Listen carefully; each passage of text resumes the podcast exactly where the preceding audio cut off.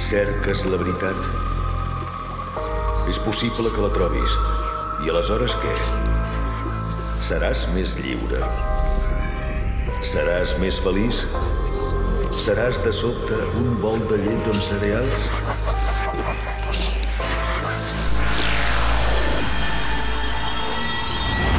Poseu-vos còmodes.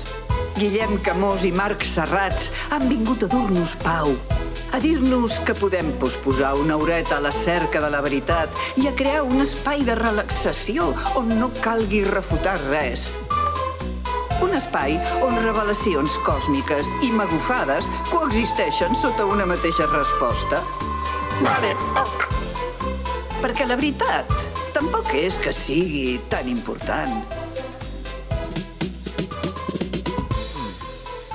Bona nit. Molt bé, eh? Ara sí, bona Aquí nit a va anar tothom. Tot el pressupost de, que teníem per la preproducció va anar en pagar a Jordi Buixaderes i a Vicky Penya per ficar les veus d'aquesta falca D'aquesta d'entrada. fantàstica intro. Fent un ridícul amb Vicky Penya esperpèntic, Espantós, que ja ho espantós. explicarem un dia només algun per dia la gent que, que el es Garro, que és el que ens va fer la música, també va demanar que expliquéssim aquesta anècdota algun dia. Però bueno, eh, ara sí, donar la benvinguda a tota la gent que ens està veient a Twitch i a YouTube i a la que ens estigui escoltant eh, o veient en un futur, pues, també benvingudes i benvinguts des del passat. Hòstia, merda, ja com... és que si comencem així ja d'entrada... Bueno, eh... hem vingut a això, no? Són 4 hores de programa. Uh, no, vinga, per favor, ordre. Bueno, Marc Serrats, aquí al costat, el molt Què tal? honorable Marc Serrats, què tal? Hola a tothom.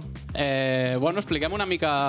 Sí, això és un programa... En què consisteix, això? Això és un programa... Eh, bueno, nosaltres vam tenir una conversa un dia sobre mm, teories de la conspiració, sobre el terraplanisme, sobre coses, i vam, com, vam convenir, vam, vam estar molt d'acord en que més enllà de que aquestes coses siguin veritat o mentida, clarament són mentida, eh, són molt, molt entretingudes d'explicar com a relats i d'investigar. Ja no si és veritat o mentida això, sinó de recrear-nos Sinó en, simplement en, jugar. recrear-nos en el fang i jugar amb la conspiranoia i jugar amb tota aquesta merda. Com un quarto milenio, però fent riure a consciència, que és el que intentem nosaltres. Aleshores, jo això és, diguéssim, cada setmana portarem una història, la desenvoluparem, desenvoluparem. lo típic, contingut, vale? I vingut avui... a explicar coses, a aportar. Ja està. I avui anem... I Guillem, ara explica tu què anem a fer avui específicament. Avui específicament venim a parlar de l'experiment rus del son i aquest... Eh, De la son, De m'atreviria la a son, dir. perdó, és De veritat, la tens son, tota la m'atreviria a dir. L'experiment rus de la son. Ja li donarem prou patades al català, almenys jo, com per començar ja amb una mica de bon peu. I, bueno, tots els programes consistiran una mica en explicar primer la història, després eh, elucubrarem sobre coses que passarien si fossin veritat o coses que realment el Marc, Jo, a través dels meus contactes, que a en través d'un tinc ja... d'un telèfon rojo que té, de Telèfono Rojo, i jo costat. ja després d'uns anys als mitjans de comunicació ja, diguéssim, gestiono una cartera de contactes que m'expliquen coses i, I ens anirem una mica més enllà. material inèdit, Sí, material inèdit, sí. que és el que volem. I la segona part del programa, eh, doncs convidem a una persona experta en el tema que no s'atanye, i bueno, avui ja veurem qui és. Sí, correcte. Però aquest, aquesta seria una mica l'estructura d'aquest programa i de tots els que vindran. Dit això, podríem començar a explicar la història. D'experiment rus de la son. L'experiment rus de la son, endavant. Som-hi. Bueno, què? Bona nit. Bona nit. Parem-nos un moment amb el tema de la música, si us plau. Bona nit, companys i companyes. Uh, benvinguts a la rondalla del Marc Serrats i el Guillem Camós. Ojo, aquest reverb que acompanya encara més. Experiment rus de la son, mercat medieval. L'experiment rus de la son, de Torelló. que et farà dormir. Uh, Però bueno, té, té, té un sentit anem- de la música. Té un sentit de la música. Vam dir, vam dir, les històries de misteri i de por, el, el 80% és l'àudio. Per tant, si agafem una història que t'hauria de fer cagar-te de por i li fiquem una música que no vagi acorde amb això, ja te'n pots anar a dormir tranquil. Totes aquelles persones que diuen, joder, per què fer un programa de, de por, que a mi em fan por aquestes coses? Tranqui, tranqui, tranqui, mm. zero por. Hem vingut, espai segur, és un hem espai vingut a segur. portar coneixement És un espai des de la seguretat, exacte. correcte. Bueno, anem al lío ja amb l'experiment Per rus de la favor. son. Vinga, va. Uh, experiment rus de la son. És una història que va tenir lloc a finals dels anys 40, segons la versió que llegeixis, pues va una mica cap al 45, 47, 48. No és important. No és important. No és important. Vaig veure un que deia és una història que tuvo lugar durante la Segunda Guerra Mundial en 1947. O sigui, estem ja barejant. Aquest és el nivell de veritat en el que, en el que ens movem. ¿vale? En què consisteix aquesta història? Aquesta història eh, consisteix en un grup de científics eh, russos, evidentment, com explica el seu nom, de fet, en aquell moment eren soviètics, que decideixen investigar quan pot aguantar l'ésser humà mantenir-se despert abans de morir. Vale? Tots sabem que dormir pues, és de puta mare. Sí, és fàcil, és, és difícil mantenir-se despert després de morir. És a dir, per això, Això és el l'experiment és quan abans, abans de morir. Uh, també hi ha versions que diuen que amb el que s'experimentava era amb un gas que, que, que el que feia era que el cos humà no necessités dormir per crear d'aquesta manera supersoldats. Ens agafem a supersoldats. Estan La teoria, molt, la teoria... molt soldats. Estan apretadíssims, aquells soldats. Vale, vale. Eh, a mi m'agrada més la història de simplement jugar a veure quan pot mantenir- mantenir-se despert l'ésser humà. La cosa aquesta soviètica de, de, de trencar cossos. de la, A de veure, la ciència sí, per sí, la sí, ciència. I ja està. Llavors, en què consisteix aquest experiment? Tanquen a cinc presos polítics, perquè és Unió Soviètica, Sí, sí. presos polítics Disside- de muerte. dissidència. Dissidència absolutament castigada, en una habitació que consistia en una habitació amb un vidre eh, perquè els poguessin observar i micros perquè poguessin escoltar els subjectes de l'experiment. Vale? Uh, els hi diuen, si d'aquí 30 dies... No, perdona, no els hi diuen això, els diuen d'aquí 30 dies, quan s'acabi l'experiment, sereu lliures. Lliures. Lliures. Eh, El que els que quedin vius. I els que estiguin morts lliures d'una altra manera. jo crec que això potser no, no, no els hi van dir. espiritualment. Els hi van... eh, llavors tenen aquesta habitació, tenen menjar deshidratat, un vàter i llibres perquè s'entretinguin i el que no tenen és llits, perquè com que es tracta de no dormir, doncs no els hi, Clar, no els hi tot, posen això la que tentació. tot això que t'estalvies amb, amb, clar, amb Ikea. En, sí. en, exacte. Sí. I els hi subministren aquest gas estimulant que els impedeix dormir i els hi mesuren l'oxigen per saber si estan vius o no, bàsicament. Ok. Llavors, què passa? Primers dies, tot ok, tot correcte, parlen entre ells, sussurren coses als científics pels micròfons, vale, no passa res, però es comenta que a mesura que van passant els dies, els temes de conversa cada vegada es van tornant una mica més turbios, una mica més foscos. Sí. Això diuen les anotacions, les, anot- les anotacions científiques del moment. És a dir, els primers dies hi ha com una conversa com Parlaven distreta, de- com de... parlaven de com, torrades. De com fer la carn, una Exacte. mica... Una, barba- Tortillas sin cebolla o con cebolla, la pizza con I pinya... a partir del dia algo... A partir del dia algo ja comencen a parlar del més enllà, de... Ja.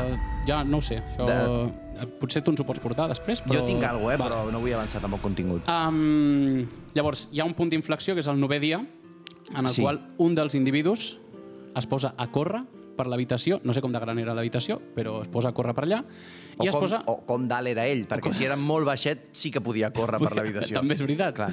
Amb poques passes se la feia, si era molt alt. Uh, llavors comença a córrer cridant sense parar, Hòstia puta. fins que es destrossa les cordes vocals. Què dius ara? Llavors, ell mm, seguia cridant, però com que no tenia cordes vocals, pues, mm, no es pot permetre Què dius emetre ara? cap so de la bola. Sí, sí, sí. Joder. Tal qual, tal qual, eh? I tot això de no dormir, de, no la dur- paranoia de, no dormir. De la Joder. paranoia i, o del gas, vés a saber quin gas era, també. Clar. La resta seguien chill allà, tranquil·lament. Llavors, passat un temps, un altre comença a fer el mateix i en aquell moment comencen a agafar tots els llibres que tenien per llegir doncs en lloc de llegir el que fan és arrencar les pàgines i amb la seva pròpia merda eh, la fan servir de ciment per cobrir aquest vidre Hòstia, vale. per evitar que els científics els poguessin veure. Hòstia, Ah. vale, vale, vale. S'aturen els crits i les converses durant diversos dies, eh, però saben que els subjectes estan vius perquè tenen el mesurador d'oxi- d'oxigen, llavors saben que allà no s'han mort. Vale? Al cap de tres dies els hi diuen escolta, m'obrirem l'habitació, si us poseu xulos us, us dispararem i si col·laboreu, eh, potser un de vosaltres queda lliure. Vale? La seva resposta és... Un? Un. O sigui, Però per què? I per perquè, què? Clar, perquè, Però per què és aquest xantatge perquè la, la ciència requereix que hi hagi aquest experiment. Llavors, bueno, mira, d'un podem... un mm, podem deixar-lo suelto. Joder, altres tio. quatre... Eh, Joder. Llavors, el- la seva resposta és que ja no volen ser lliures i a partir d'aquí passen uns quants Ells dies més... diuen, ells diuen que no volen... No volen ser lliures. No donen més informació. Una resposta, segons les dades, eh, que és, eh, segons les cròniques de l'època, que és una resposta molt calmada. O sigui, estaven molt tranquils, Com, com tranqui. Com he leído y acepto los términos de legales de uso Exacte. y, I- las cookies y tot. No volem ser lliures, Vale. fins aquí. Um, Joder. Llavors, el dia 15, entren i en el moment que els hi retiren el gas, això és important, en el moment que els hi retiren els ga el gas, els xavals ja es queden una mica com ei, aquí, aquí què passa? Aquí què passa? S'enfaden una mica. Llavors, bueno, entren i es troben una, bueno, un infern gore, bàsicament. Vale? Què ha passat? Només queden dels cinc individus, només queden quatre vius. Per tant, un ja s'ha alliberat cap al més Clar. enllà. Vale? Els individus estaven completament coberts de sang, acumulada també a les parets i al terra, on Hòstia. xipollejaven una mica entre la sang, o sigui, perquè el que havien fet també era amb, amb, amb la seva pròpia merda i trossos de carn arrencats, se- seus propis. És a dir, hi havia hagut allà, hi havia hagut feina. Hi havia hagut, hi havia hagut Clar, clar. asado allà. Bueno, Joder. asado no perquè no tenien foc, però havien deixat la carn allà en el desagüe i llavors pues, s'havia fet allà una mini inundació. Allò deuria olorar. Hòstia, Deuria fer una olor, allò. Déu-n'hi-do. Bueno, també les racions de menjar es veu que estaven intactes des del, des del dia 6 de l'experiment. Bueno, a partir d'aquí ja, segons la versió que llegeixes, pues, comença a haver diverses mogudes, que si algun, un altre que també s'havia quedat sense cordes vocals, un altre que s'autolesiona i mor de sagnat... Em... Això em va semblar divertit. Eh, hi ha un que cito textualment el que deia un dels A vídeos... mi no m'ha semblat divertit res de lo que està explicant, perquè és una història Però això, tronculentíssima. això sí, perquè diu eh, one of the soldiers died from having his throat ripped out. O sigui, com un dels soldats va morir perquè la seva gola va sortir del seu cos disparada. O sigui, una mica com aquests titulars de, de desnonaments. Sí, de, de, O de violència masclista. Una família, és a dir... Una dona mor... Una, una dona mor o una família eh, surt de casa seva i casualment els Mossos d'Esquadra Estaven allà a la porta i han dit, ja no torneu a entrar. Pues una mica aquest- aquest rotllo Des de- d'aquí l'avantguàrdia, recordem... també va, sí, va sí. participar Sí, en, sí. Aquest, en aquest experiment rus de la son. Uh, bueno, es traslladen a instal·lacions mèdiques, els curen, tenen problemes amb l'anestèsia, mogudes vàries, perquè clar, estan tan enxufats que... A tot això ells l'únic que feien era demanar el gas, i demanar el gas una vegada i una altra. I com que no el, els operen al final sense anestèsia, perquè no els hi feia... Bueno, una, una sèrie de detalls que si Sí, algú li estàs, els, interessa molt els el tema... estàs passant per alt i realment són el que mola de la història. Bueno, deien això, que un dels, un dels subjectes el que li passa és que li estan xutant anestèsia i el tio no s'adorm i al final el comencen a operar. És un dels que s'ha quedat, que s'ha quedat sense cordes vocals. Llavors, Vale. mentre l'operen, somriu i fa com moviments amb la boca Hòstia. i llavors hi ha un moment que els, els metges que l'estan operant li donen un, una pissarra perquè escrigui què vol i li, li escriu sigue cortando. Com Sigue cortando amb, amb, amb, gaudint. amb el típic castellà de la Unió Soviètica. de la Unió Soviètica. Castellà soviètic. Llavors, bueno, els intenten recuperar com poden i a què no saps què passa? Què passa? Que els tornen a ficar a l'habitació. Clar. Diuen, a veure, aquí l'experiment, aquesta penya ha firmat, Bueno, aquesta gent ja està molt rebentada, ara podem acabar Ja no això i no perdem la subvenció. ja no ve d'aquí. Sí. I, els hi, I els hi donen de nou el gas, perquè, per què no? I llavors allà es van calmar i es van quedar tranquils. Vale? Uh, molt ràpidament, com acaba la història? Sí, com acaba? També, liu de versions, però una mica. Jo m'he quedat amb les que més m'han agradat. Un d'ells s'estira a un llit, recordem que no hi havia llits, però... Ara n'hi ha. Ara, ara ha. Bueno, els han tornat a ficar i diuen, "Bueno, però els hi ficarem però els llits." Va. llits perquè puguin estar còmodes. Tanca els ulls i mor a l'instant. O sigui, el, el dormir era ja la mort. S'apaga. S'apaga. Hiberna, hibernar, fora. Exacte, fora. Només queden... Bueno, hivernar no, apagar No, clar, directament, perquè sí, ja no sí, pots tornar a encendre. quan aquell. hivernes molt, ja, Exacte, sí. hivernes Fins al final, fins al final, sí, sí. Només quedaven dos. Vale? Eh, els investigadors entren armats i un dels subjectes... Eh, bueno, els, els dos, Que pesats entrant i sortint, vull dir, està molt, poc, està molt mal planificat aquest experiment. no, no, volien, no volien que s'adormissin i els donaven ta- estímuls. Tant de micro, tant de polla, i al final han d'entrar i sortir per i sortir comprovar rato. quatre merdes. Vale. Uh, els subjectes s'alteren i es veuen obligats a disparar-los a disparar-lo un d'ells. Llàstima. I llavors pues, se'l pelen, bàsicament. Sap greu tan jove. Mor. Eh, llavors queda l'altre viu i un dels científics els hi pregunta què sou? Necessitem saber-ho. A lo que l'únic que quedava viu li suelta amb un, també un castellà, En castellà de. Cervantes, Què de diu? soviètic perfecte. Tan pronto te has olvidado, Ui. somos vosotros. Si ho faré mirant a càmera. Tan pronto te has olvidado, somos vosotros. Somos la locura que circula a vuestros cuerpos, rogando ser liberada de vuestra mente más profunda y animal. Somos de lo que os escondéis cuando os metéis en la cama cada noche. Hòstia. Somos lo que calláis y lo que paralizáis cuando sumís en la profundidad de la noche.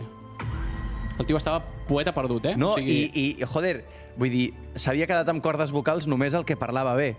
Clar, vull dir, els altres no, no haguessin articulat tant, van tantes, rebentar. tantes subordinades i de cop i volta l'únic que s'ha quedat amb les cordes vocals bones és el que podia no, fer no, aquesta frase. aquest era un puto màquina. Era, de Increïble. sobte era Dostoyevsky el que estava allà eh, tancat a, a la d'esto. Llavors, bueno, al final el científic eh, li fot un tiro al cor, Clar, no li ha agradat. diu ja, no, no m'ha agradat això, i el tio es mor dient quasi libre. I Joder. entenc que ja quan s'apaga, pues, eh, I anem a, i anem a crèdits. I anem a crèdits. Uh, la conclusió d'aquest experiment, pues, una conclusió que vaig trobar també per allà, que deien la conclusió de l'experiment va ser molt clara. Jo, o sigui, jo la tinc claríssima. Diàfana, També. O sigui, pràcticament. La falta de sueño y su privación hace que salga el mal inherente que tiene el clar, ser humano. Clar, tio. Bàsicament, Clar. nosaltres tenim dimonis a dins i quan ens I he anem a estat a dormir... punt de dir-ho, eh? I quan ens anem a dormir, el Clar. que passa és això. Ens escapem d'aquests dimonis dormint, perquè si ens quedem desperts, allà estan. Pues te mossegues el braç i, i, i a prendre no, pel cul. no has visto a Pastis i Wenry? Bueno. Com estan de no dormir? Pues Clar. mira, és el mal inherente del ser humano. Déu-n'hi-do, tio. Bona història. Joder, molt bona història. t'ha semblat? A mi m'agrada molt aquesta història. Petits detalls escabrosos que Sí, és com, poc, podíem sí entrar-hi té més, com però- aquesta cosa sí. de, de, de, la, el, el moment aquest d'associar l'autolesió amb la bogeria, no? El, el, el, Això sempre és maco, sempre ven. No? De, talla, talla més, no sé Ah, què. Per favor, vull, vull sortir d'aquí. La pell.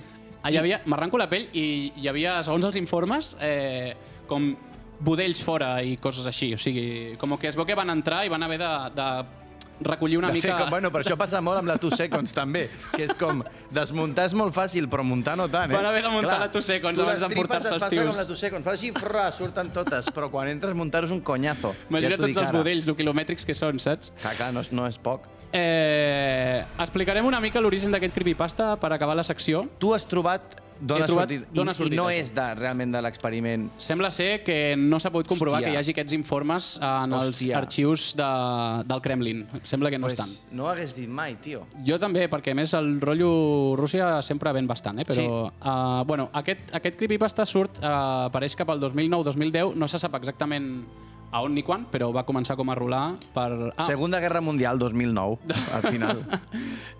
Comença a rolar per la tècnica del copy-paste, que d'aquí ve la paraula creepypasta, per qui no ho sàpiga. Eh, pues ve de copy-paste i creepy-paste perquè és com Hòstia. històries de por. Hòstia, vale. Històries pues de no por. ho sabia. Que es van rolant d'una web a una altra, d'un Estic fent jo aquest altre. programa i no ho sabia. Déu-n'hi-do.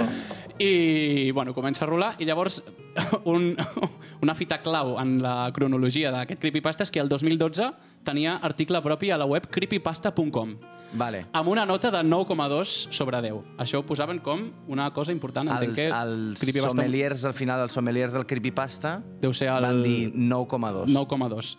I a partir de llavors ja es va fer bastant famós i bueno, hi ha curts, ha... vaig llegir que es faria una pel·li però no he acabat de saber si es faria o no, bueno, no sé, coses així.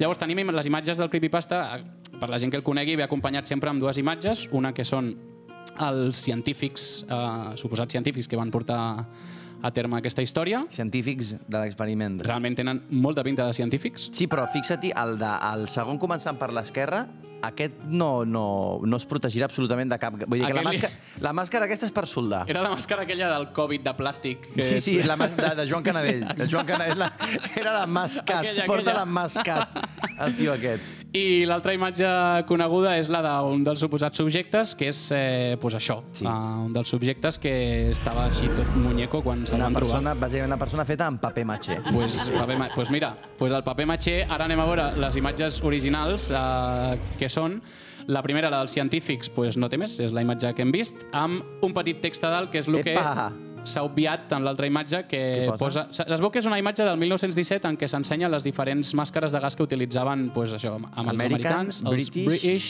French. els French i els Germans. D'acord. Eh, és la foto original. Llavors, el, el subjecte de l'experiment diràs que és una pel·li de por, una no sé què, intel·ligència artificial no, perquè en aquell moment no existia encara. És, eh, a veure si podem veure la imatge, és un puto, una puta Epa! decoració de Halloween. O sigui, es veu que Epa! eh, és, és it's a thing a, a, a Estats Units, el tema de les decoracions de Halloween molt loques, i llavors això és com, bueno, es diu Spasm. Spasm és el nom de la figura aquesta, i tu pots comprar-la per al mòdic preu de 140, 140, nyoplos, 140 dòlars val això? i te'l poses al jardí i espantes a la gent. I la penya... Uf, I de penya diu... la vieja, No ha dormit. la vieja pega un susto que... No ha dormit la que vieja. Joder.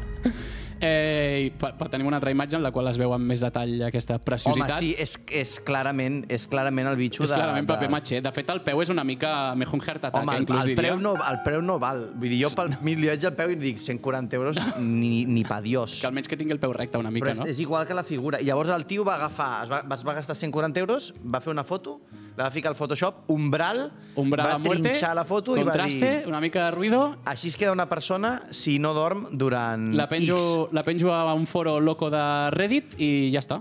I, i a moure la història. Hòstia I puta. aquest seria una mica el resum d'aquesta història. Doncs em sorprèn, em sorprèn que tu tinguis aquesta informació perquè jo n'he aconseguit un altre i deixa'm que ara te l'explico, ja veuràs. Vale, pues som-hi. Bueno, què més? Què més? A mi em sorprèn perquè jo, amb Teléfono Rojo, al final, vale? jo he trobat el dietari d'un dels, dels subjectes. Mhm. És a dir, tu estàs explicant que és mentida i que és, uh, que és una decoració de Halloween. Bueno, és que jo potser el que he seguit és el relat de, de, mi les, m'ha- de les èlits que no volen que sapiguem això, que Igual- també podria clar, ser, eh? Però igual També aquí, eh, primado negativo. Això, Pri, pringado, ne, pringa, Segundo 27 Clar. del tràiler de Barbie. Primado negativo, uh, jo he trobat el dia, jo, en base als meus contactes, he trobat el dietari d'aquest subjecte. Do, els teus contactes d'on surten? Teléfono rojo. Teléfono tot, rojo tot, sempre. Tot Sempre teléfono rojo, vale. Eh, I mira, i t'ho llegeixo, ja veuràs. Um, dietari del subjecte Bekaini Mandrovich. Vale? 1 de setembre de 1948. No molt rus, molt bé. Sí. Hòstia puta, quina son. Avui no he dormit gaire, no he dormit gaire bé. Diu, bé, suposo que estic nerviós perquè avui entraré a formar part d'un experiment que ens han proposat. Val la pena fiar-se'n d'aquestes coses, Sí, sabem sí, que sempre sí. surten bé. Sí, home, i tant. 2 de setembre. A que no sabeu de què anava l'experiment? El tio va fent com... Ho deixo en clau de pregunta. El tio eh, dona per fet que algú vindrà a llegir això després. És un arrogant. vale? Diu... Eh, som a un búnquer subterrani molt ben adaptat, tenim llibres, el que ens va molt bé perquè som tots intel·lectuals, per això estem a la presó, perquè la Unió Soviètica empresonaven a intel·lectuals, no se n'ha parlat prou. Fa, tem fa, va canviant el temps verbal com si estigués aquí i alhora allà. Vull dir... O sigui, el tio ja va entrar que estava una mica de Lulu, eh? Ja no- que no estava bé del tot. Diu, a part dels llibres, també tenim menjar preparat per sobreviure un mes. Va molt bé que sigui menjar preparat perquè, a part d'intel·lectuals, també som senyors de l'any 48 i no hi ha ningú que tingui ni puta idea de com funciona una paella. També hi ha el monopoli comunista, perquè estiguin entretinguts. Hi ha el monopoli comunista que guanyen tots els jugadors quan tots aconsegueixen tenir el mateix nombre de diners o un jugador fica tots els altres a la presó. Així funciona el monopoli comunista. Els meus companys d'experiment rus de la SON, s'identifica com a rus ell mateix, vale? són eh, Andrei Modorradzin, Otto Pijamov, Sergei Kopdeka- Sergei Kopdekapich i Yul Nonas. Vale? Aquest era més de la Unió Soviètica del Sud. un bon cinc inicial al Yul Nonas. Yul Nonas. Eh, diu, hem estat parlant del gas i hem convingut tots en què fa moltíssima olor a fritanga d'aquella que no marxa ni amb una rentada. Ja veuràs. 3 de setembre. Son no en tinc, ara em venen molt de gust uns xipirons. Els micròfons amb els que ens estan monitoritzant es veuen moltíssim, així que tenim converses fent veure que som tots superestalinistes. Diem frases com la presó m'ha fet entendre la glòria de l'imperi soviètic mentre ens agafem fort la collonada. A veure si els alliberen abans d'hora, no? A veure si, clar, al Es final pensen- es es pensa pensen que que- l'experiment va d'una altra cosa. 4 de setembre, suposo. Clar, el tio, com que no dorm, ja fica els dies com... Mm, Clar, perquè a més si era diu, un- diu 4 de setembre, no ho sé. Però si era un búnquer subterrani, a més, no, ni veuria el no, sol no, ni no, res. no, no, o sigui, el ja tio era- al final va calculant i 4 diu de 4 de setembre? suposo. Diu, m'he mirat el mirall i m'he notat palidot. Fins aquí normal, però també juraria que se m'estan quedant els pinyos com una, la cremallera un neopreno. Que és una, és un, bueno, una, una comparativa que ell fa, que bé, és interessant. Um, hem passat per davant he passat per davant de la zona de gimnàs i he estat temptat de fer una mica de presbanca per eliminar toxines, però he recordat que sóc un intel·lectual rus de 1948, així que m'he servit un vodka i m'he fumat sis pitis on a row, que diuen a l'Alemanya I occidental. m'he deixat créixer la barba molt. Sí, és el que, és, És el que feien els feien això. els russos. 5 de setembre, intueixo, aquí especula amb el dia, no sé. Diu, 5, intueixo, diu, això no s'ha calculat bé. Amb tantes hores mortes, la temptació de donar-se la beguda és molt forta. Anem tots molt mamats. En Pijamov ratlla cada dia amb què vol uns xipirons i en Yul Nones es rasca el coll tota l'estona i va preguntant a la gent si el sona rara la seva veu. El, el sents pel búnquer fent bo, va, ara, ara, ara, ara, lo, lo, lo, lo, lo, perquè li comença a semblar rara la seva veu. 6 de setembre, estimo. El tio va- no vol repetir paraules. En Modorradzin, en Modorradzin, que no havia donat cap problema fins ara, ha tret el tema de si creiem o no en separar l'obra de l'artista. Ja l'hem cagat. Aquí crec jo Això ser el moment de que és quan els temes comencen a posar-se més obscurs. Sí, perquè diu, es veu que ha llegit que el director de la pel·lícula, el cuirassat Potemkin, Sergei Eisenstein, un dia, va fer, un dia va fer servir l'expressió abans xotxo de Sibèria que de la perifèria, fent referència a les baixes condicions eh, higièniques de les rodalies de Moscou. Això ha encès en cop de càpits, que ha dit que qui gaudeix amb el cinema d'Eisenstein frivolitza amb la sífilis. En Yul Nones s'ha aixecat entre crits dient crec que em molesten les cordes vocals i ha marxat de l'habitació. Era Twitter, allò de sobte. Sí. 9 de setembre, pronostico. Seguim sense arribar a cap conclusió al voltant del tema de separar l'obra de l'artista. En Modoratsin i en Cop de Capitx estan folrant les parets amb pàgines de llibres perquè sembla ser que tota la literatura soviètica està plena de l'expressió abans xotxo de Sibèria que de la perifèria. En Pijamov ha agafat un dels micròfons amagats i s'ha passat 3 hores cridant que vol uns xipirons.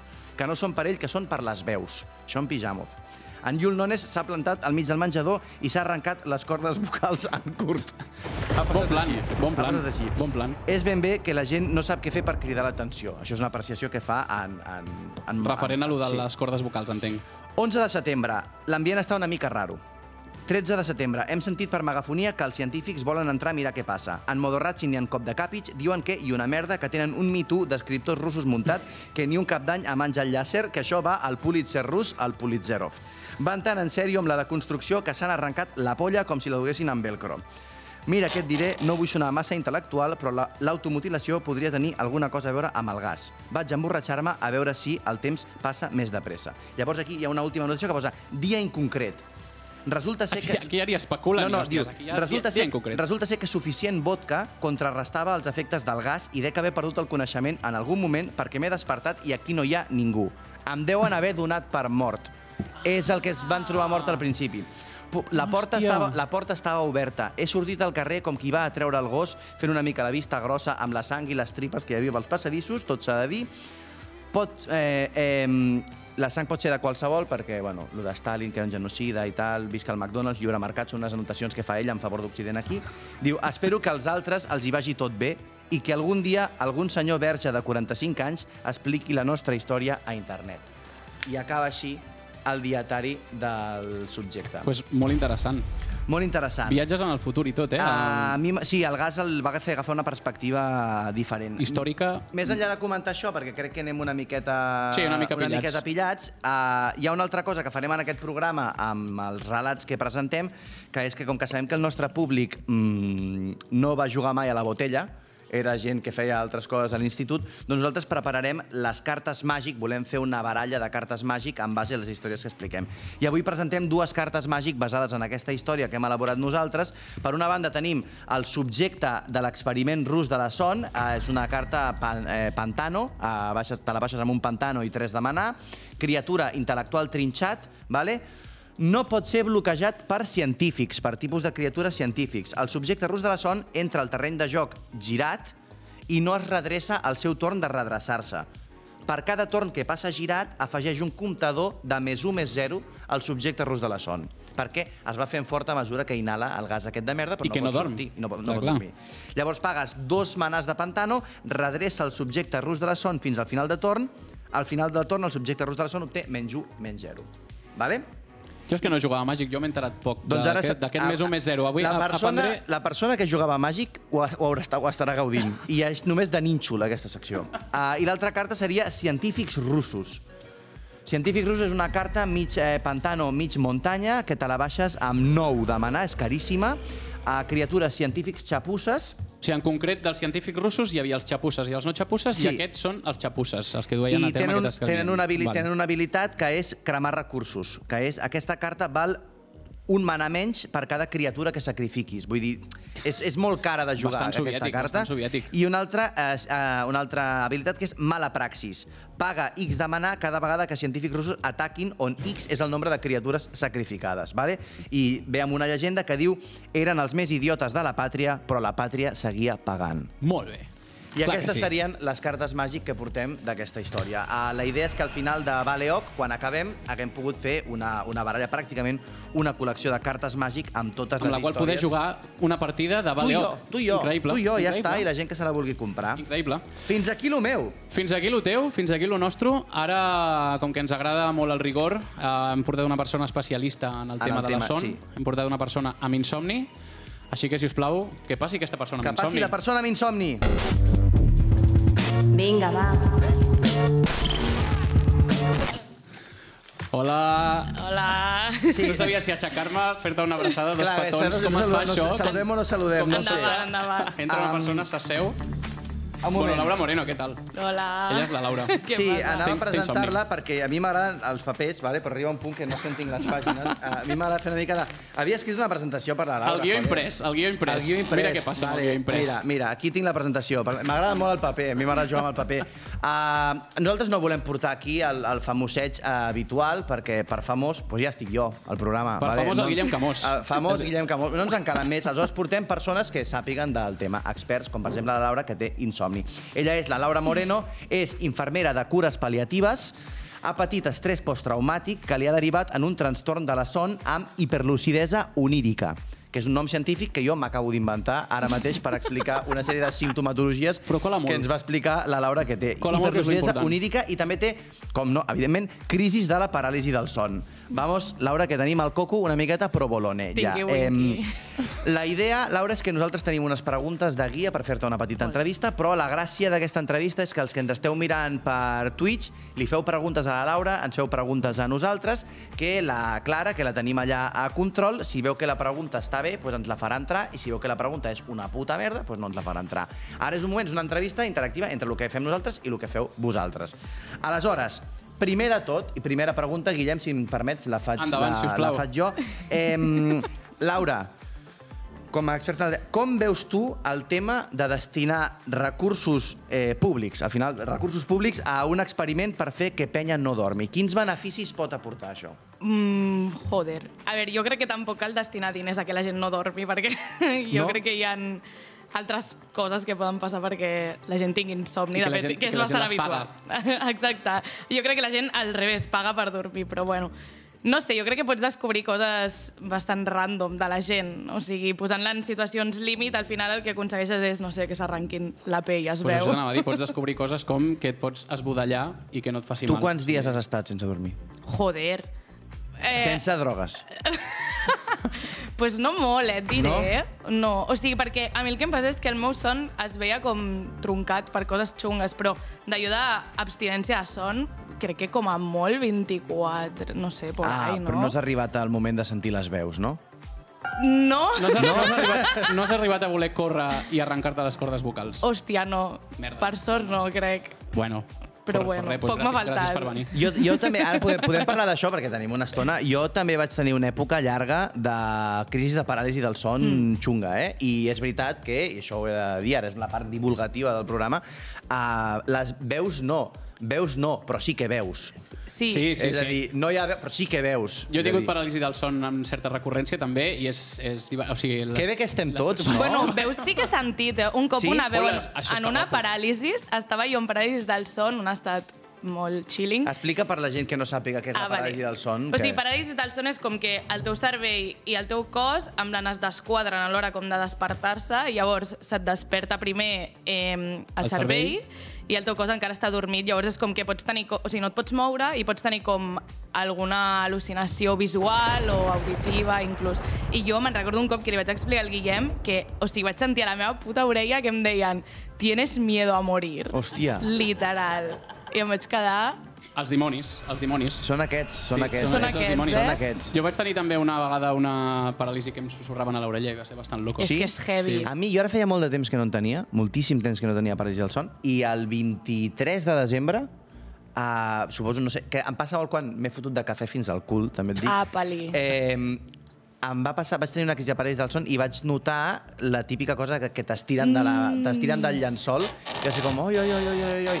I aleshores vaig, em va començar a passar allò de, des, de despertar-me com per fases, no? De somiar, Sí, que, uh. de somiar que em desperto però em passa alguna cosa, però segueixo dormint i torno a somiar. Matriosca. Això de passa, son. a mi també m'ha passat passat amb paràlisis del son. De que, I, i de que et vas despertant i al final dius, buah, merda, m'hauré despertat de veritat i tornes a veure Sí. la... És... És- és que en, en les paràlisis del son passa això, que la, que la penya sempre... Uh, hi ha coses relacionades amb presència. O sigui, Sí. veus algú o sents que hi ha... al- A vegades no el veus directament, però notes com que hi ha algú a sobre teu i notes la seva pressió. És que, de fet, jo o sigui, he arribat com a un control suprem de l'estat de la paràlisi del son. Ah, llavors, sí? és com que estic superconscient i llavors penso, no obris els ulls perquè no vull al·lucinar, saps? Clar. Llavors és com que estic tota l'estona com els ulls tancats i amb això de despertar-se, a mi m'ha passat que em pensava que m'havia despertat, llavors mirava la meva habitació i sempre veia com algun detall que deia, merda, no és el meu quarto, tipus, a l'interruptor de la llum deia, buah, merda, no és el meu quarto. I així com moltes vegades fins que, bueno, al final et despertes. Però al revés no passa, no? No passa que que... nois. No. Què passa, Hola? Clara? Què passa, Hola, Clara? hola, Clara. Què tal? No l'havíem Sí vist, no sí que se vist encara senten en veus, pantalla, sí que no? se senten sí que veus. Se veien estem? voces. Molt bé. Mira, aprofitant que parleu de la paràlisi del son, ens pregunten pel xat que si heu vist mai algun monstre i quin és el més divertit que heu vist en el cas que n'hagueu vist. Jo, jo recordo... No Deixa... he... Di- Per favor. Perdó. No, no, anava a dir que contesti a la Laura primer, que és la nostra eh, Fes, convidada d'honor, però comença tu, Guillem. Bueno, pues, pues, No, no, no, per favor, és el teu puto Contesto- programa. Contesto jo, és que el teu puto el que programa. presenta. eh, jo no he vist cap monstre, però vaig veure un, dos vegades... O sigui, una vegada vaig veure un amic meu, el Martín, que potser ens està veient, i una altra vegada vaig veure Ah, el, meu, perquè és el meu mort, company de perquè pis. és mort o perquè ens està veient... No, per- Ah, el vas veure? vale, vale, vale. Però ens està veient en Però el, en a la el teva programa. habitació o tipus? O sigui, era com la meva habitació, però estava, estava allà com mirant-me i em vaig quedar com... Uix. Per què m'està mirant? Perquè està a la meva habitació i vaig dir... Però era, era com raro, era com creepy. Eh? I el dia següent et va trucar el Martín i et va dir tio, he somiat amb tu aquesta nit o no va He passar somiat això? que estava a la teva habitació, això hauria sigut loco, eh? dur, això. Laura? Jo mm, crec que no. O sigui, és que ja et dic, jo he notat més tipus presència heavy i inclús bofetón, saps? Bofetón, no, eh? no, Bofetón, del eh? pal. I que m'estirin del cabell. I més tipus auditiu, perquè ja et dic, jo intento com tancar un munt dels ulls perquè mega por d'al·lucinar. I aleshores l'al·lucinació, com que no et pot entrar per la vista, Mentre- diu, he de trobar nous sentits. Altres I és, quan- és quan... Bam! No, no. Sí. Levanta, coño! Hòstia, Déu-n'hi-do. Clar, el, el, jo, jo, sí que, jo, he vist, jo, he, vi- jo sí que he vist, eh, he tingut al·lucinacions Monstres, eh? O sigui- el que es coneix en català com la, la pesanta. La pesanta és una espècie de, de llop que se't posa damunt del pit i et mira quan estàs en paràlisi del son, té un nom en català i es diu la pesanta, La és com un típica ésser im- mitològic. Jo no he vist un llop, però sí que hi havia com un senyor o una cosa d'aquestes. I coses com notar com coses com pel terra, saps? Ah! Però, clar, això passa molt de, de, de, de que dius, de que estàs dormint i, i, i et sents que et despertes, però en realitat estàs dormint. Però al revés no passa, que tu et despertes, però et penses que és un somni i de cop i volta li pegues una pata al teu pare. això no passa. de dir- crec que no, popular." això és un somni, pum, pap, no. Són no no lúcids, però al revés. O sigui, Sí. no és que siguis conscient que estàs somiant, sinó que et penses que somies quan tinc, no. tinc, eh, tinc... Di, quins Endavant. pal·liatius, tu que et dediques a això, Sí. quins pal·liatius necessita una persona a qui la privació de son l'ha fet connectar amb els dimonis de la bogeria còsmica? Enantium o un ibuprofeno ja tira? Que va, que va. O sigui, sí que és veritat que hi Què ha va, un... què va, eh? Es Què pren en va, sèrio què la pregunta. No, espera, espera. O sigui, sí que és veritat que hi ha un dels símptomes eh, en les persones que estan molt a prop de la mort, que és el delirium, no? que seria com aquestes al·lucinacions, o potser una conducta més agitada i tal.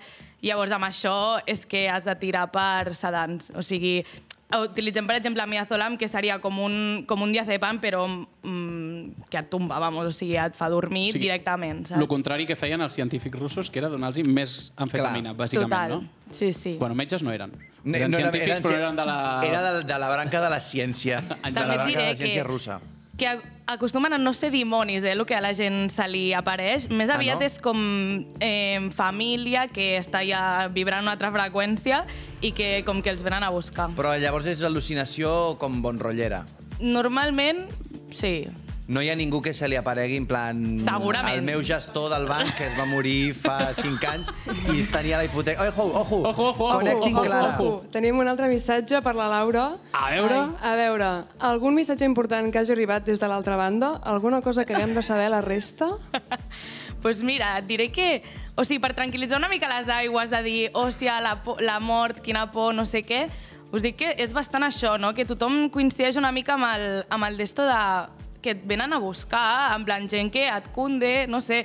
Jo sempre, a mi m'agrada pensar que després de la mort està com tota la gent que estimes i fas com una paella amb una Però- sobretaula i A més, que, tal. que et venen a buscar com si fos una festa de Sí, llavors és com que la gent, o sigui, els missatges o sigui, no hi ha un missatge clar del més enllà, però sí que és rotllo, hòstia, la mama o la iaia, mira, saps? En plan... I si n'hi ha, si ha, no és per nosaltres, aquest missatge. No, és per la persona en si, no, eh?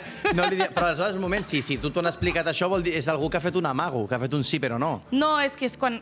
O sigui, quan estàs en les últimes fases de la vida, és com que estàs... Tinc, tinqui, és que no sé com dir-ho, tinqui-winqui, és com que... M'agrada pensar que una, per, que una persona 5, 5 minuts abans de morir experimenta com una petita mutació i es converteix en, en Tinky Puto Winky, tio.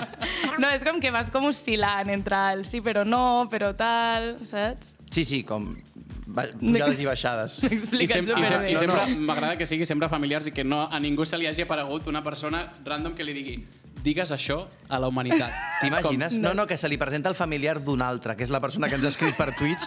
De cop i volta ha el teu familiar, persona que ens està escrivint per Twitch, està buscant morts per tot arreu, a veure si et Mira, pot dir si dit on on està està aparcat el cotxe la- al centre comercial Glòries, bona. si estava en la B2 o en la B3. Um, pots, tenim més, si vols preguntar més coses, Guillem, no sé. Sí, uh, no m'esperava això ara. Bueno, si vols aquesta responsabilitat, si no, és un programa tiro, democràtic, tiro, eh? tiro. Jo tinc una altra pregunta també relacionada amb pacients. Algun pacient t'ha dit alguna vegada Tan pronto te has olvidado de nosotros, somos vosotros, somos la locura que circula a vuestros cuerpos, rogando ser liberada en vuestra mente más profunda y animal. Somos de lo que os escondéis cuando os metéis en la cama cada noche, somos lo que calláis, lo que paralizáis cuando sumís en la profundidad de la noche. No cal que sigui textual, eh? Textual, textual, no. Et dic que algú em Com diu hi, hagi, això... com hi hagi un pero, aquí em cago, no, eh? no. A mi algú em diu això, em faig diarrea, però literal, eh? O sigui, em cago a sobre. Eh, seria més carn d'exorcismo, això, Home. inclús, eh? Però no, no, que va, no, no. No, sí que... No, no. Joder, és que és molt totxo, vull dir, és un discurs... És un discurs suficientment format com perquè no el digui una persona... És bastant missatge del més enllà, sí, la diria, veritat que eh? sí. La veritat que sí. Se m'ha anat la pantalla. Ja t'ha anat la pantalla? Ja eh, llavors, no, no, bueno, em queda, tens, algun, tens algun missatge del més enllà? T'imagines insistir molt amb aquesta, amb aquesta pregunta.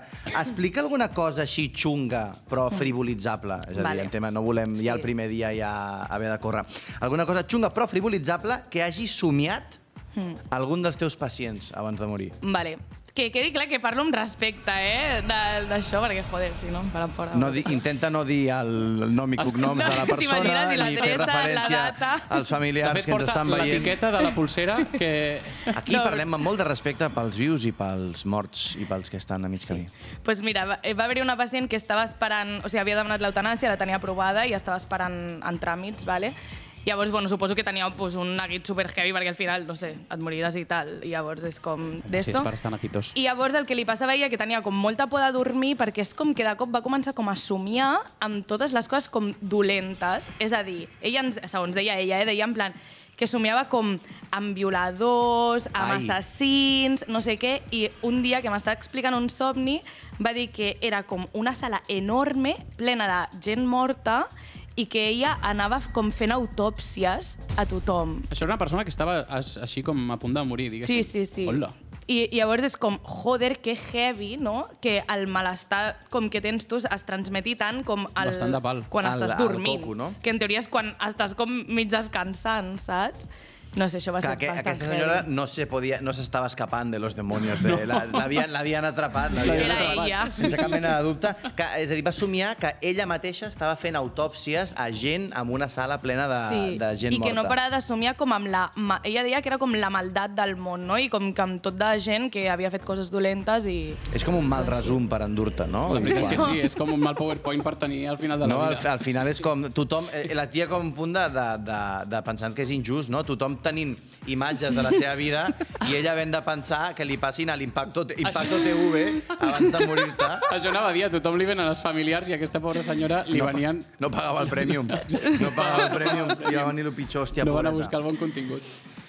Hòstia, Guillem, Digues, digues, digues. no, no, no, per favor, tu, segueix, segueix. Eh, en no, tenim no, no, una, no, en tenim una aquí que, en tenim una aquí, no, que així que, que t'hem fet explicar una història així xunga, no sé què, que, mm, que hagi somiat un dels teus pacients abans de morir, ara explica'ns una teva Sí. xunga, que aquesta sí és igual, ens és igual que sigui frivolitzable o no, perquè la frivolitzarem igual, tenint en compte que et tenim aquí, vull dir, Vale. serà frivolitzada. Vale, o sigui, jo crec que mm, com vaig assolir com bastant de control de tot el tema de paràlisi i tot la mandanga, és com que no he, en aquest aspecte tampoc he tingut com coses super horribles, més enllà de la paràlisi en si, doncs que és una puta merda. Però sí que he somiat moltes vegades que em moria, però que em moria real, tipus, que estava lúcida del pal. Sé que és un somni, però em pensava que em moria, per exemple, un cop, és que era super random. Jo tinc fòbia a les cascades, ¿vale? Cascades, caigudes d'aigua, Ah, sí? fonts, etc. Random. És ¿vale? la primera molta vegada que ho eh? sento. No, no, Sí, no, sí, però sí. pot... No, no, no, vull dir, no, respecte total, eh? No, no, d'anar caminant per plaça Catalunya amb ella i que et digui ui, ui, ui, espera, creuer sabem que aquí hi ha una font. No, no, Ah, sí? sí, Hòstia, sí, bastant heavy. I llavors és com que estava jo en un balcó super estret i hi havia com, sabeu, el típic aparato de l'aire condicionat que ocupa com molt espai en el balcó?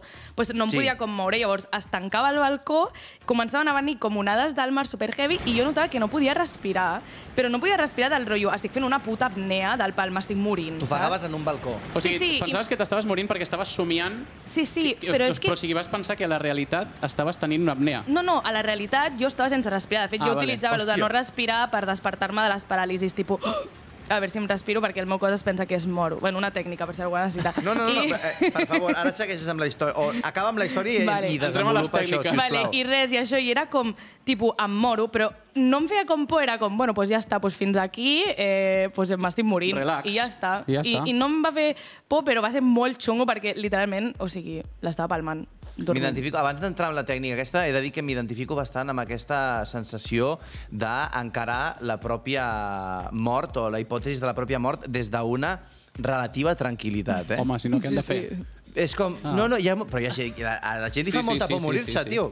I a mi és com, no és que me la sudi, perquè vull fer coses, però hi ha un moment que penso, hem de fer el ridícul a l'últim moment? He de Mantenir suplicar. la dignitat. Jo també he de, penso he de, això. he de, he de, a l'últim moment he de dir, no, si us plau... No, home, No, no, no. no. tira, tira. Lo primer, lo genio i figura, fins al final. Jo anava a dir que justament a- aquest cap de setmana m'he llegit un llibre sobre la pena de mort i, i parlaven de que... Aquest cap de setmana t'has llegit un Just, llibre. eh? És que, sí, era molt, era molt curtet. Era sí, prim, no ho he va. fet expressament, però Ah, vale, sí, sí, vale. és, és un llibre que es diu Reflexiones sobre la guillotina d'Albert Camus. Déu-n'hi- Déu-n'hi-do. I bastant interessant. I parlava de, mm, de que la gent, quan se'n va cap a la mort, o sigui, cap a la... quan els van executar... Sí, al lloc de la... Sí, a la, a la plaça, Cap a la mort, sí. suposo, sí. Eh, o al patíbulo de l'església, ah, ai, de l'església, no, perdó, del, de la presó, que estan com molt tranquils, però perquè estan acollonits, perquè molt poca penya fa lo de... Tornar-se boig. Lo de tornar-se boig. I que eh, moltes vegades es deia que era perquè volen mantenir la dignitat, però que no, que és, també s'es... Que van amb el culo que van amb prieto, una no? mica cagats. Ja. Home, la veritat és que ha de ser una mica xungo. Mega Sí. por. Entrem de- a... Eh, Sí, crec que és molt Sí. interessant la, mètodes tècniques. tècniques. És a dir, tenim, tenim 10 minuts, tenim Vale. 10 minuts per explicar tècniques per sortir, per evitar o per sí, resoldre paràlisis del son. Vale.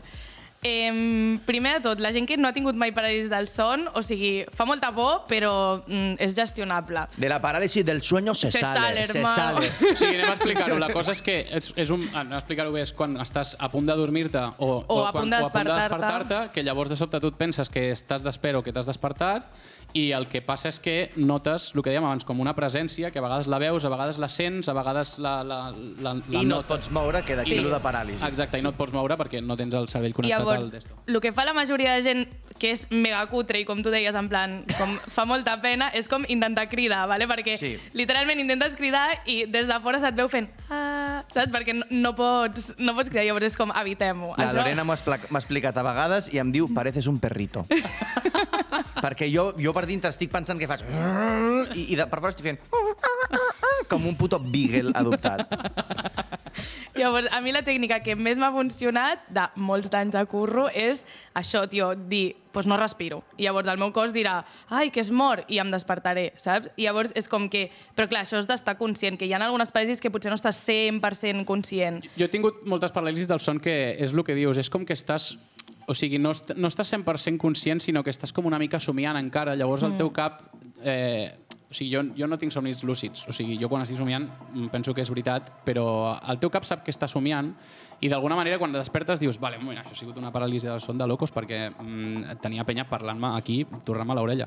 Em, però que... No sé per què està dient això ara. No, perquè després també està la resignació, Ah, que sí. és dir, estic en paràlisis, ok, jo el que faig és tanco els ulls, intento no obrir-los i m'ocupo com el cervell pensant com en un munt de coses per no donar espai a cap tipus de eh, al·lucinació Jo aquesta és la ni tècnica que faig servir bastant. O sigui, no la de resignació, no d'ocupar-me el cap perquè tampoc crec, o sigui, mm, no, no ho havia provat mai, tampoc sé si en aquell moment estic en condicions d'ocupar-me Jo no ho el sé cap. fer, jo no sé fer. No. Però sí que sempre que... O sigui, jo vaig... La primera paràlisi del son que vaig tenir era bastant gran i havia llegit molt sobre la paràlisi del son perquè quan no tens paràlisi del son i descobreixes el que és, dius, hola, que guapo això, saps? De fet, quan ho tens, notes que ets un humà molt més avançat que la resta. Et sents especial, no? Super. I, dius, ah, mira, I després resulta que molta penya ho té. Sí. Uh, llavors, el, la primera que vaig tenir sí que la recordo una mica espantosa, però vaig despertar i em vaig dir, ah, vale, acabo de tenir una paràlisi del son. I des de llavors, sempre que he tingut paràlisi del son, com que ho controlo bastant a nivell de dir, o sigui,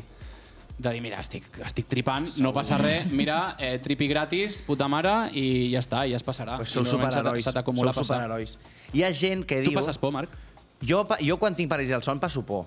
Mm. El que passa és que jo, la relació que tinc amb la por ha, ha evolucionat molt al llarg dels anys. És a dir, per mi passar por quan tenia 15, 16, 17 eh, era el pitjor que em podia passar, ara passar por és com... pff, Me la pela. És una experiència Vull di- és una experiència és com divertida. passo por i el dia següent és com que estic més enfadat. Jo ara faig com, faig com, com tot bon senyor que s'està fent gran, que és que totes les meves emocions les acabo canalitzant en enfado. Rondinaire. Aleshores és com, he dormit massa, estic enfadat. He dormit poc, estic enfadat. He tingut paràlisi del son, estic enfadat. Tu Vale? quan tens paràlisi del son, eh, que, o sigui, intentes escapar-te, fas el perrito beagle sempre. Faig el perrito Beagle i a vegades faig, faig la d'intentar de, de forçar que un braç vagi a obrir el llum, saps? A obrir la llumeta de la tauleta de nit. No passa. No sé, no he après a sortir de la... Intentaré la pròxima vegada que em, passa, que, que em passi, que espero que falti molt, aplicar lo de no respirar. Lo de no però igual, respirar m'hi- però és igual m'hi bastant quedo, bona tècnica, saps? eh? Igual m'hi quedo, no ho sé. Hi ha gent... Ojo, tenim aquí... Ojo, Ojo. ojo, que esteu parlant també de la paràlisi del son, bueno, també no, però Ha la gent... el doctor Estivill. Estem fent El que està publicitat. preguntant són tècniques per entrar en paràlisi del son. Ai. Però vosaltres sou uns rapa... no. Estem aquí a intentant ajudar a la gent i venen Intenten- els quatre putos yonquis de la vida que volen, que volen lesionar-se, que volen fer-se mal. Nois, aneu a drogar-vos. No ens expliqueu aquí, no som, no som hipnotitzadors, no som Vols mentalistes. dissociar? Vols, vols, paràlisi de, vols paràlisi del son? Fota't mig pollo d'espit, vale? Intenta dormir. I intenta dormir, llavors tindràs parà, paràlisi de tot. Com puc entrar No, en paràlisi del son? Com puc Barreja entrar amb LSD i cafè Com puc i- entrar a un, bu- a, a, un, a un piso franco del Bano Kosovar i que m'extirpin el fetge? No sé, investiga, tio. Im- Jo en defensa d'aquestes persones diré, perdó, eh? En defensa d'aquestes persones diré que, com he dit, jo vaig, ten, vaig trigar molt a tenir paràlisi del son Tu i jo sentia, d'aquests. jo sentia curiositat. O sigui, jo deia com, buah, en veritat, això ha de ser molt loco, que guapo, tio, no sé què. O sigui, jo tinc entès, que no ho he provat mai, però eh, per paràlisi del son no, però per somni lúcid, que això sí que hi ha molta gent que li atrau el rotllo i tal, per poder controlar i el, i el pal, és com que si tu, per exemple, quan t'estàs adormint, aquesta cosa tipus rara que et diu com canvia de posició, saps? En plan, Sí. que no saps per què ho fas, pues és com que si es veu que si et quedes superquiet quan tens aquests impulsos, és com que enganyes el cervell i llavors et quedes... O sigui, el teu cervell es pensa que estàs I dormint pots entrar més i llavors fàcilment, entres més no? fàcil en, en És a dir, si tu no obeeixes l'impuls de canviar-te de posició o de treu el peu de la manta o de no sé què, el teu cervell hi ha un moment que diu crec que ja està Crec la feina feta, et desactiva, el, et baixa uns comptadors, els altres no, i llavors això es queda funcionant i el cos es queda apagat. Ja sabeu com fer-ho? Somnis lúcids, Ja hi ha també molta, molta, molta literatura sobre com entrar en els somnis lúcids. Uf, és que és jo que- també mai n'he tingut, i això és una cosa que m'agradaria tenir-ne. Sí, jo puc tenir orgasmes dormint, vale? I llavors és com, quan ho vaig descobrir, era com que quan tenia un somni lúcid, era com... Jo no puedo tenerlo ni despierto. T'imagines ara com punyadís, com de cop i volta. Però era com, ah, The que puc escollir follar, saps? En plan, Hòstia. era com super així. Jo he, tingut, jo he tingut un somni lúcid sí. En la meva vida i me'n recordo molt. Uh, vaig, mm, estava, vaig ser conscient de que estava somiant perquè es veia tot amb uns colors molt raros i vaig dir, cuidao això. Um, llavors vaig dir, buah, que guapo, somni lúcid. Vaig a intentar volar. No vaig poder volar i llavors vaig dir, merda, no puc volar. I vaig agafar una bici que anava molt ràpid. Vaig dir, bueno, doncs agafo aquesta bici que va molt ràpid i va ser com... És a dir, fins i tot en els teus somnis lúcids ets un pringat. És el que vaig pensar, és el que vaig pensar, vaig dir, tio, una vegada que tinc un somni lúcid i no puc fer, no, perquè pots fer el que vulguis, només t'ho has d'imaginar, i bueno, em vaig haver de conformar Sí, amb un viatge una pregunta... Va, arrel de tot això dels somnis lúcids, se m'ha acudit una pregunta. Això ja estem, estem fora de guió ja des de fa una estona. Um, sí, perquè ha dit, uh, la Laura ha dit, jo eh, puc decidir follar en un somni lúcid. Jo pregunto, si en un somni lúcid tu decideixes follar amb una persona que no és la teva parella, però és un somni lúcid, són cuernos o no? Apa! Això ja s'hauria de veure cada... Perquè una Ah, cosa és que tu sumis que, que, que et xurrasques algú. Que pots dir, que el dia següent dius, tio, ah, sento. eh, eh, jo no tinc res a Jo veure, no- però si tu tenint, Ja ha sigut buscat? si tu tenint la, la capacitat de modificar la narrativa del teu somni, has dit, estem en terreno segur, això és un somni, vaig a pinxar-me la de no sé què de comptabilitat, Això, Infidel, a la Isla de las infidel. Tentaciones, Això- eh, llumeta, Luz roja, llumeta eh? vermella, eh? Llumeta vermella. Jo diria No naranja, bandera, no. bandera bueno, potser vermella. naranja, perquè no hi contacto, però clar, clar. Eh, somnis lúcids, pilotes bastant de somnis lúcids, Hòstia, tu? sí. Et, et conde o sigui, ara fa, fa molt que no em passa, eh, però està molt guai. Està molt guai. L'únic que també et dic que no és un camp super heavy de que tu puguis dir pues ara estic al país de les piruletes eh, rodejada de bizcochos. No. no. És com que tu... Se t'ha acudit almenys ara jo, o és un eh? tema que tu és recurrent? Lo, del- del país de les piruletes i molt de bizcochos. Sisplau, a veure si avui puc fer Ella el país porta de les des de, que, des de que va agafar control dels seus somnis dient, per favor, Sisplau. avui que sigui el dia del país de les piruletes. Rodejada de bizcochos, sisplau. No, però jo el que he intentat fer amb gent és, tipus, quedem en somnis. Tipus, quedem i anem a prendre un gelat o alguna així, saps? Però no, és molt Que no vols quedar amb aquesta Quedem persona al final. Ja es veia... És a dir, a mi una persona em diu, a mi una, una amistat meva em diu això i li dic, pues mira, saps què passa? Quan, quan t'aclaris, ja si vols anem a fer una cervesa. Això està guapo, eh? Mola- Molaria com poder quedar en somnis. És o sigui, que- com poder controlar tenir un somni lúcid i llavors jo pensar, vale, ara estic tenint un somni lúcid, vaig a quedar amb la Laura. I que tu et diguis, vale, vaig a Clar, quedar amb el... és del "Buah, quin pal, eh, cada no sé què, ja vinc com tu i jo, per exemple, i dir en plan, oye, anem a Port Aventura aquesta Vinga, nit, en plan, ens trobem allà. I que estiguis és com mare. somiant el mateix. Igual és que quan somiem no són coses del nostre cervell, sinó que estàs connectant amb una realitat paral·lela i, per Mhm. tant, sí que es podria quedar amb algú. Això és l'argument de Doctor Strange Multiverse of Madness, no? que quan estàs somiant estàs vivint la teva vida d'un jo d'un altre univers. Estic començant a introduir, sense saber-ho, el, el tema del, del proper episodi. Del proper episodi, sí. Que, Uh, que, però jo abans fer una petita eh, reflexió. En el tema de la paràlisi del son, hi ha persones que diuen que el, el cervell segueix fent les sinapsis de somni mentre que tu no tens el cos desactivat justament per no reproduir els somnis, que en teoria és el que passa. Ah, hi ha persones que diuen que veus coses perquè estàs uh, com una mica del que dèiem abans de tema de pal·liatius i tal, perquè estàs en una espècie de plano, vale? Uah, és que... Perquè estàs en una espècie de plano on passen coses que no passen en un pla ja quan estàs més enganxat aquí. És que A mi, com podeu, com podeu comprendre, a mi m'és absolutament igual que sigui una cosa o sigui l'altra, saps? Vull dir, jo eh, m'és igual morir-me, m'és igual tot, però diria que jo he parlat amb gent i hi ha gent que diu que això passa. M'és igual morir-me, m'és igual somiar. Un, tenim un minutet i mig. Laura, Vale. no sé si tens algun tema amb això. Sí, això, que el que tu dius és com que, jo ho vaig llegir en un llibre i a part ho he vist bastant, és com que dormir-se i morir-se s'assembla que flipes. En plan, és com tipus, jo què sé, quan, per exemple, si estàs a punt de dormir-te i tens por i et comences a imaginar què hi ha dintre l'armari, tens molta més por que si estàs en un estat com més alerta i tot. Hòstia. Llavors és com que tota la part més mm, imaginària i tal, és com que pilla molta més força. Però és que és un procés super semblant, o sigui, almenys això explicava el llibre i jo pues, m'ho he adaptat, Pues saps? pa. Però perquè així penso, pues no fa tanta por, Home, si, està, saps? si, si ho han imprès, si ho han imprès és que serà veritat, no si no està heu dit imprès. que això era superveritat? Sí, sí, Pues sí, sí, sí, clar, clar, clar. Endavant. I això, i com que és un procés super semblant, perquè al final és un, una baixada de consciència, l'únic que pots donar no et despertes mai més i ja que, està. que, que el fate, pues hi ha un que arriba fins a baix de tot i l'altre es va pujant i que- que baixant. torna a pujar. Sí, sí, sí, sí, sí.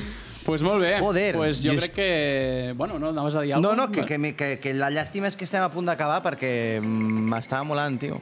Pues, pues fins aquí el, el primer programa d'avui. Ja ens estan tirant la música T'he de dir que a mi, despedida. a mi el primer programa m'ha agradat. El primer programa d'avui he dit, a més, eh? O sigui, com Ara si ara, ara en fem un farem un altre.